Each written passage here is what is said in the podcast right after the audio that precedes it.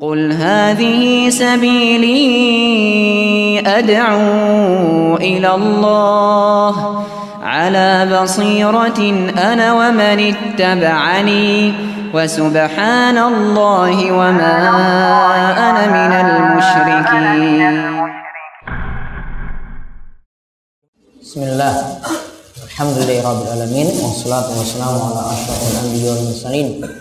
Wa ala alihi wa man tabi'ahum bi ihsan ila yaumiddin. Baik, kita melanjutkan sifat salat Nabi sallallahu alaihi wasallam dari pembahasan Syekh Muhammad Nasiruddin Al-Albani. Kita lanjutkan pembahasan saking bacaan-bacaan Nabi dalam sholat halaman 133 133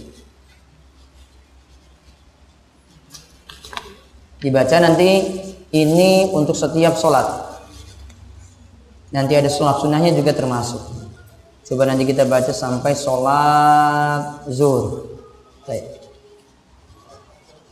Bacaan-bacaan Nabi dalam sholat Surah atau ayat yang dibaca Nabi SAW dalam sholatnya berbeda-beda antara sholat wajib dengan sholat yang lain. Berikut ini uraiannya secara rinci. Sholat subuh. Ketika sholat subuh, Nabi SAW terkadang membaca riwal al-mufassal.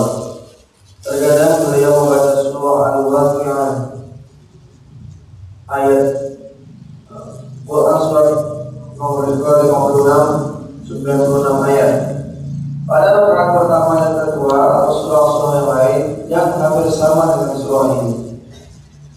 Pernah beliau membaca surah Al-Qur, surat yang ke-52, 49 ayat ketika hari wada.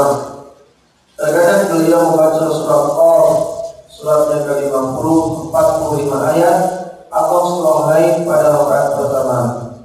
Nabi terkadang membaca surah-surah yang termasuk kisah Al-Mufassal Al-Mufassal yang pendek-pendek seperti surat Al-Takbir Surat yang ke-81 15 ayat Pernah pula beliau Sallallahu Alaihi Wasallam membaca surat Al-Zalzalah Surat yang ke-99 7 ayat pada rakaat pertama dan kedua Rawi hadis ini berkata Saya tidak mengerti apakah bacaan surat yang Rasulullah SAW ulang dua kali itu karena lupa atau sengaja. jadi pas surat pas sholat subuh itu sempat baca surat Al-Zalzalah diulang dua kali rokaat pertama dan rokaat kedua Pernah pula dalam berpergian beliau Rasulullah SAW membaca surat Al-Falaq surat 113 5 ayat dan surat An-Nas surat yang ke-114 6 ayat.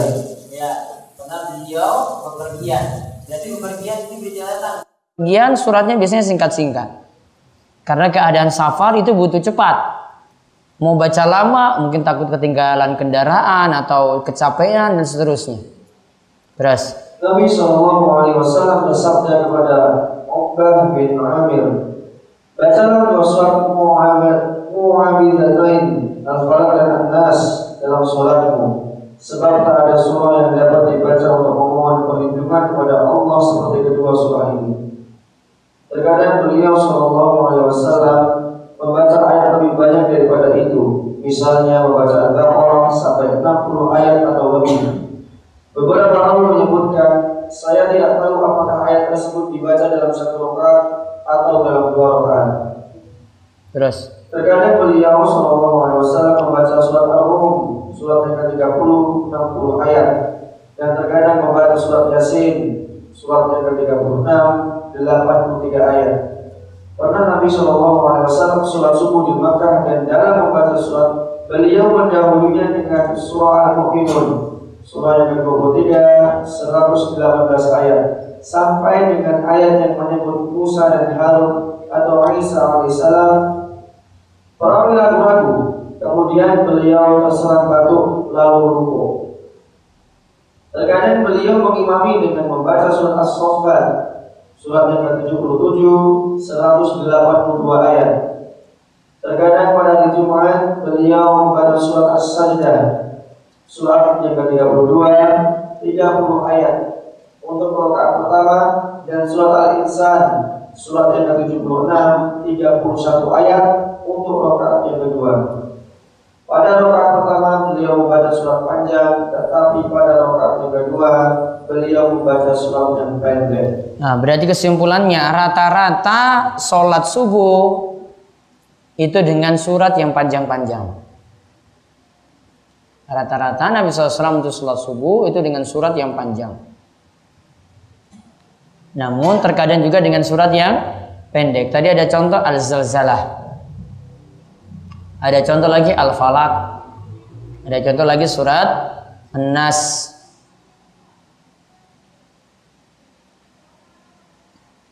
Namun ada keistimewaan untuk hari Jumat pada sholat subuh. Ya, itu diberikan keterangan hari Jumat pada sholat subuh. Rakaat pertama baca surat As-Sajadah. Kemudian rakaat kedua baca surat Al-Insan setelah Al-Fatihah. Namun perlu dipahami, walaupun surat As-Sajadah itu ada sujud tilawah, bukan berarti yang dikejar itu sujud tilawahnya. Artinya cari surat yang lain yang ada sujud tilawah yang lebih pendek. Contoh surat Iqra, Al-Alaq, contoh surat Al-Insyiqaq.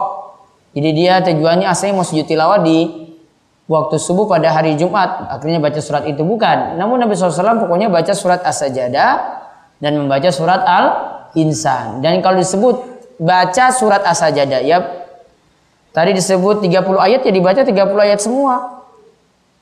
Al-Insan 31 ayat ya 31 ayat dibaca semua. Ya, itu yang dimaksud. Nah, sekarang kita lihat tadi ada istilah lagi dari catatan kaki di halaman 133 tiwal al-mufassal. Yang saya sebut tadi mufassal yang panjang. Dari surat apa tadi? Qaf sampai Al-Mursalat. Maka itu yang dibaca oleh Rasul SAW ketika sholat subuh. Lihat keterangan catatan kaki 104a. Tiwal yaitu tujuh surah-surah panjang terakhir dari Al-Quran mulai dari Qaf menurut pendapat yang benar sebagaimana telah dijelaskan di halaman 128. Jadi 28 itu cuma menyebut surat Al-Mufassal saja. Namun pembagiannya tadi ada tiga ya. Ada yang mufassal yang panjang, tiwal mufassal. Ada yang yang pertengahan, ada yang pendek, kisar mufassal. Sekarang sholat sunnah fajar. Sholat sunnah fajar.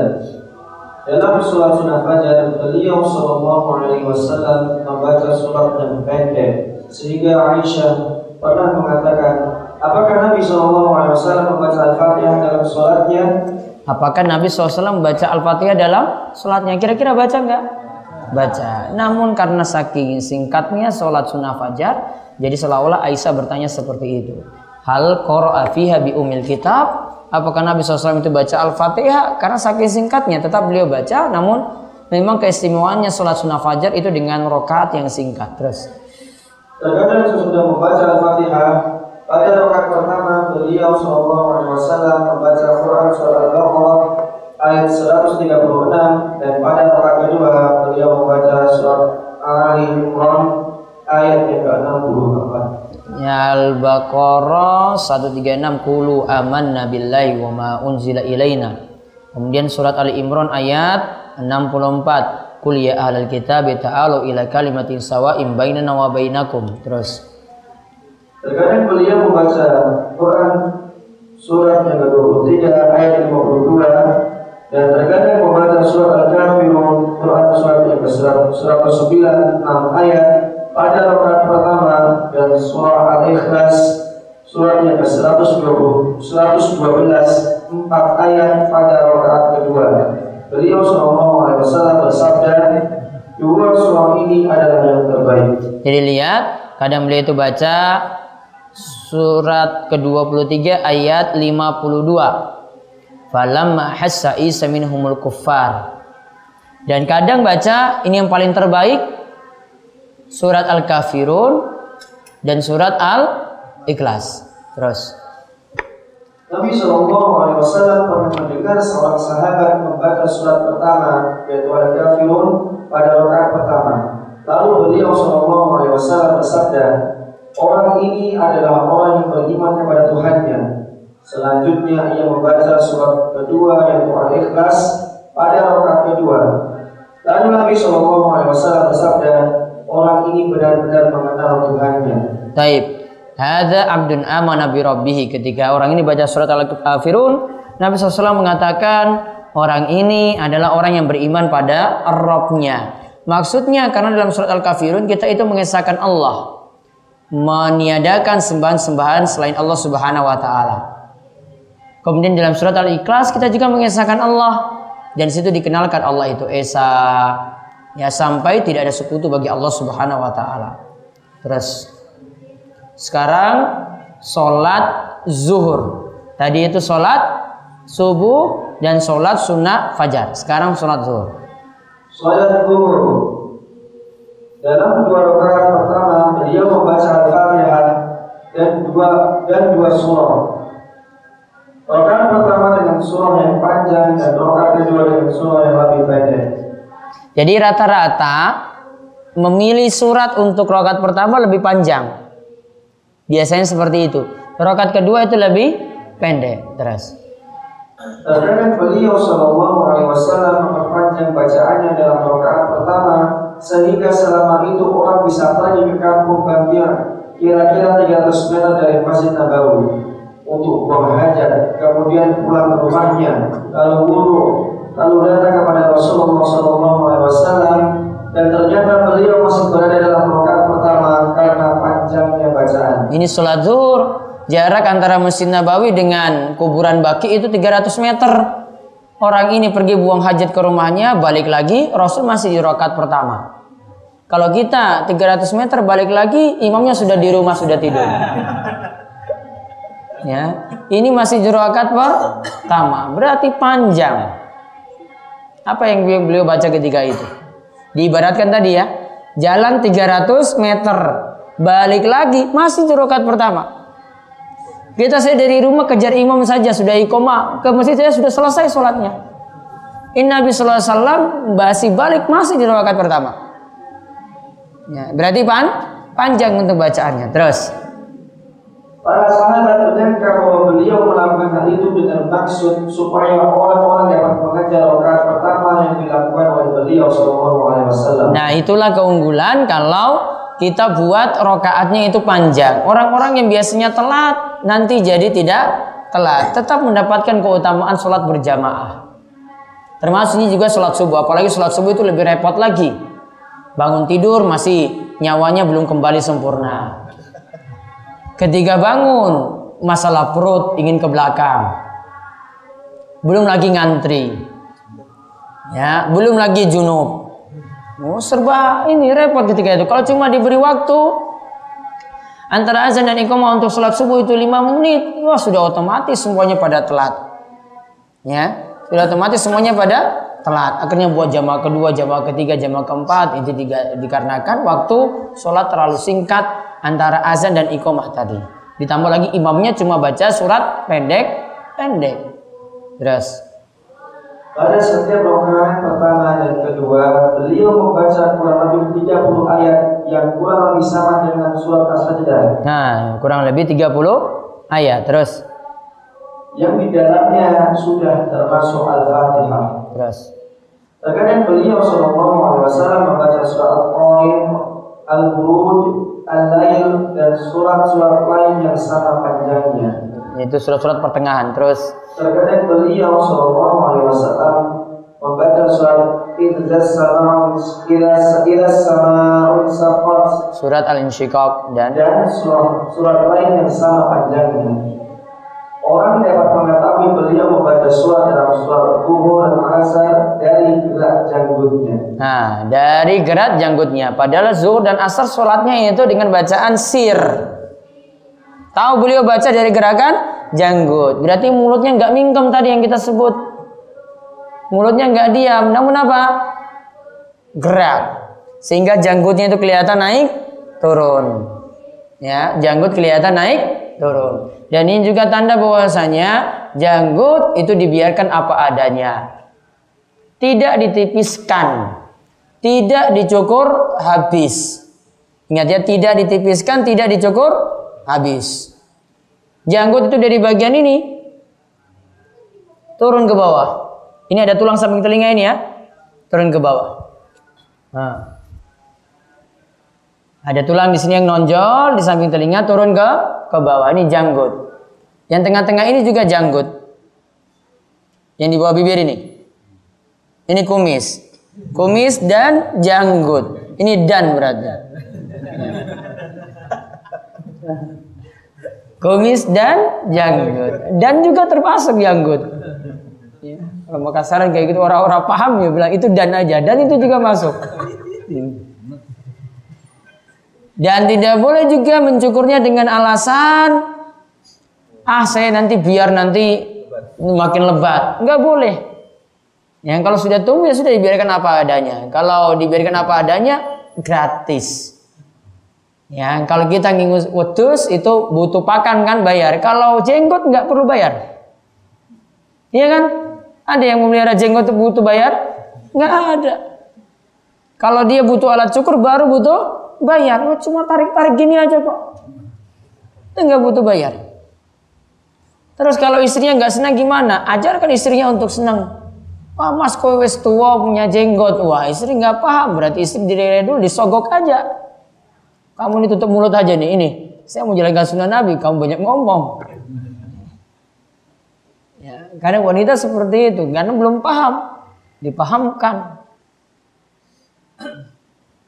Taib. Sekarang 2B. Membaca beberapa ayat pada dua rakaat terakhir. Pada rakaat ketiga dan keempat salat zuhur, Nabi Shallallahu Alaihi Wasallam membaca ayat atau surat lebih pendek daripada ayat atau surat pada rakaat pertama dan kedua. Nah, lihat, rakaat ketiga dan keempat Nabi membaca surat juga, namun lebih pendek. Berarti tetap masih boleh membaca surat di rakaat ketiga dan keempat.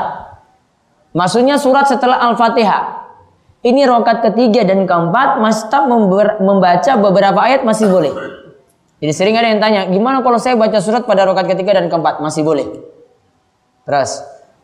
Kira-kira separuhnya, yaitu 15 ayat dan terkadang hanya membaca Al-Fatihah. Jadi mau tambah surat masih boleh, ya mau cukupkan dengan Al-Fatihah juga boleh. Taib. Wajib membaca Al-Fatihah setiap rokaat. Nah, walaupun tadi kita baca surat-surat yang lain, pokoknya setiap rokaat harus ada al-fatihah. Kemarin dalilnya sudah disebutkan, la solata liman lam yakra bi fatihatil kitab. La solata liman lam yakra fiha bi fatihatil kitab. Tidak ada solat bagi orang yang tidak membaca al-fatihah di dalamnya.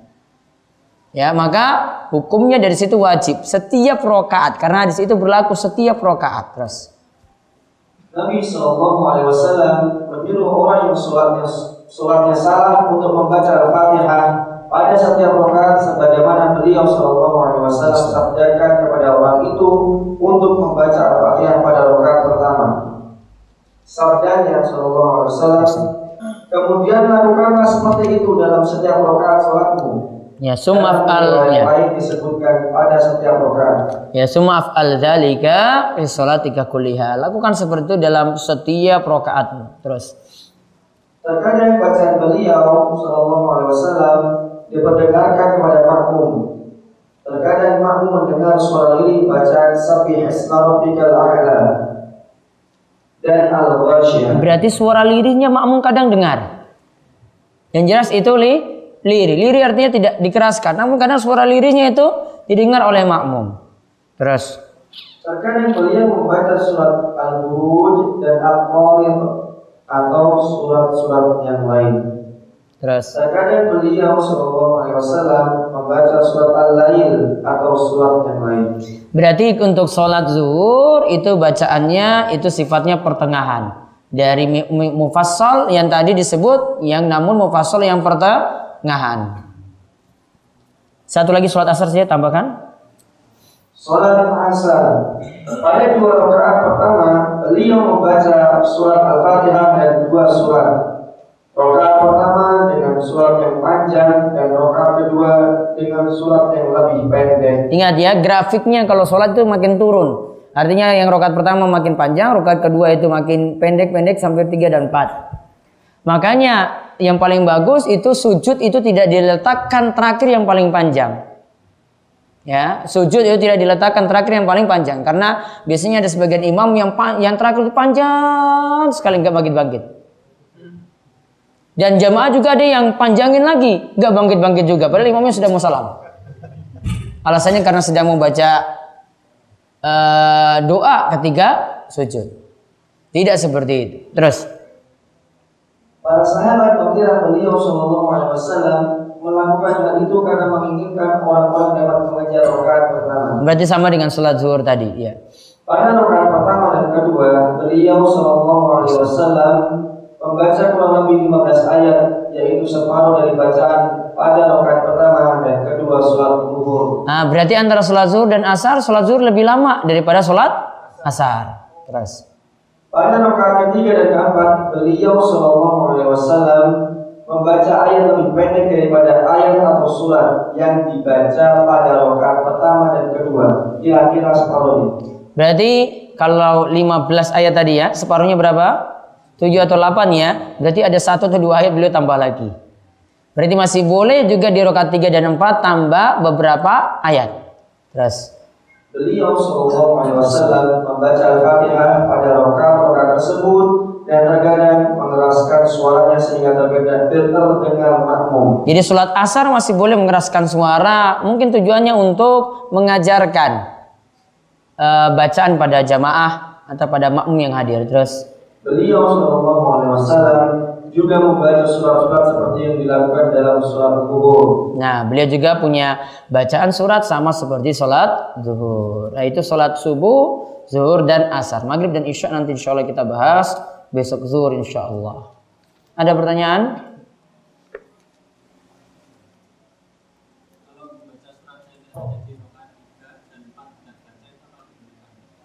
Rokat ketiga saja, rokat empat enggak? Ya, masih boleh. Mas sebaliknya juga masih boleh. Eh, yang jelas Allah alam ini baiknya tidak jadikan rutinitas namun sekali-sekali boleh. Ya, karena umumnya rokat 3 dan 4 itu tidak membaca surat, cuma surat Al-Fatihah. Ada lagi?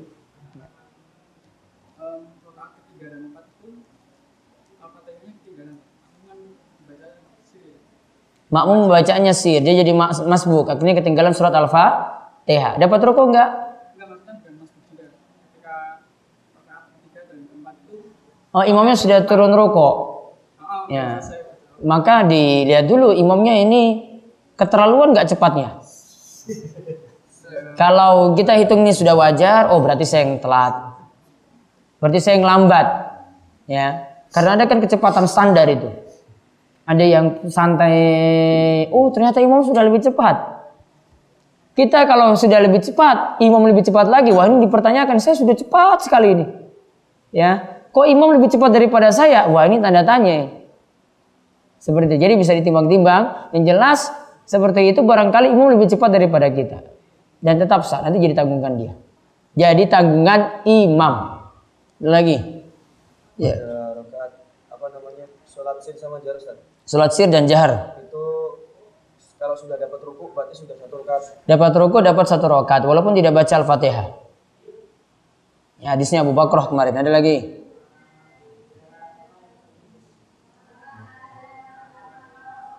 Indra? Hah? Kalau saya tanya. Baik, itu saja. Ya, saya kita tutup kalian doa kafaratul majelis. Semoga subhanakallahumma bihamdika asyhadu an la ilaha illa anta astaghfiruka wa atubu ilaik. Assalamualaikum warahmatullahi wabarakatuh.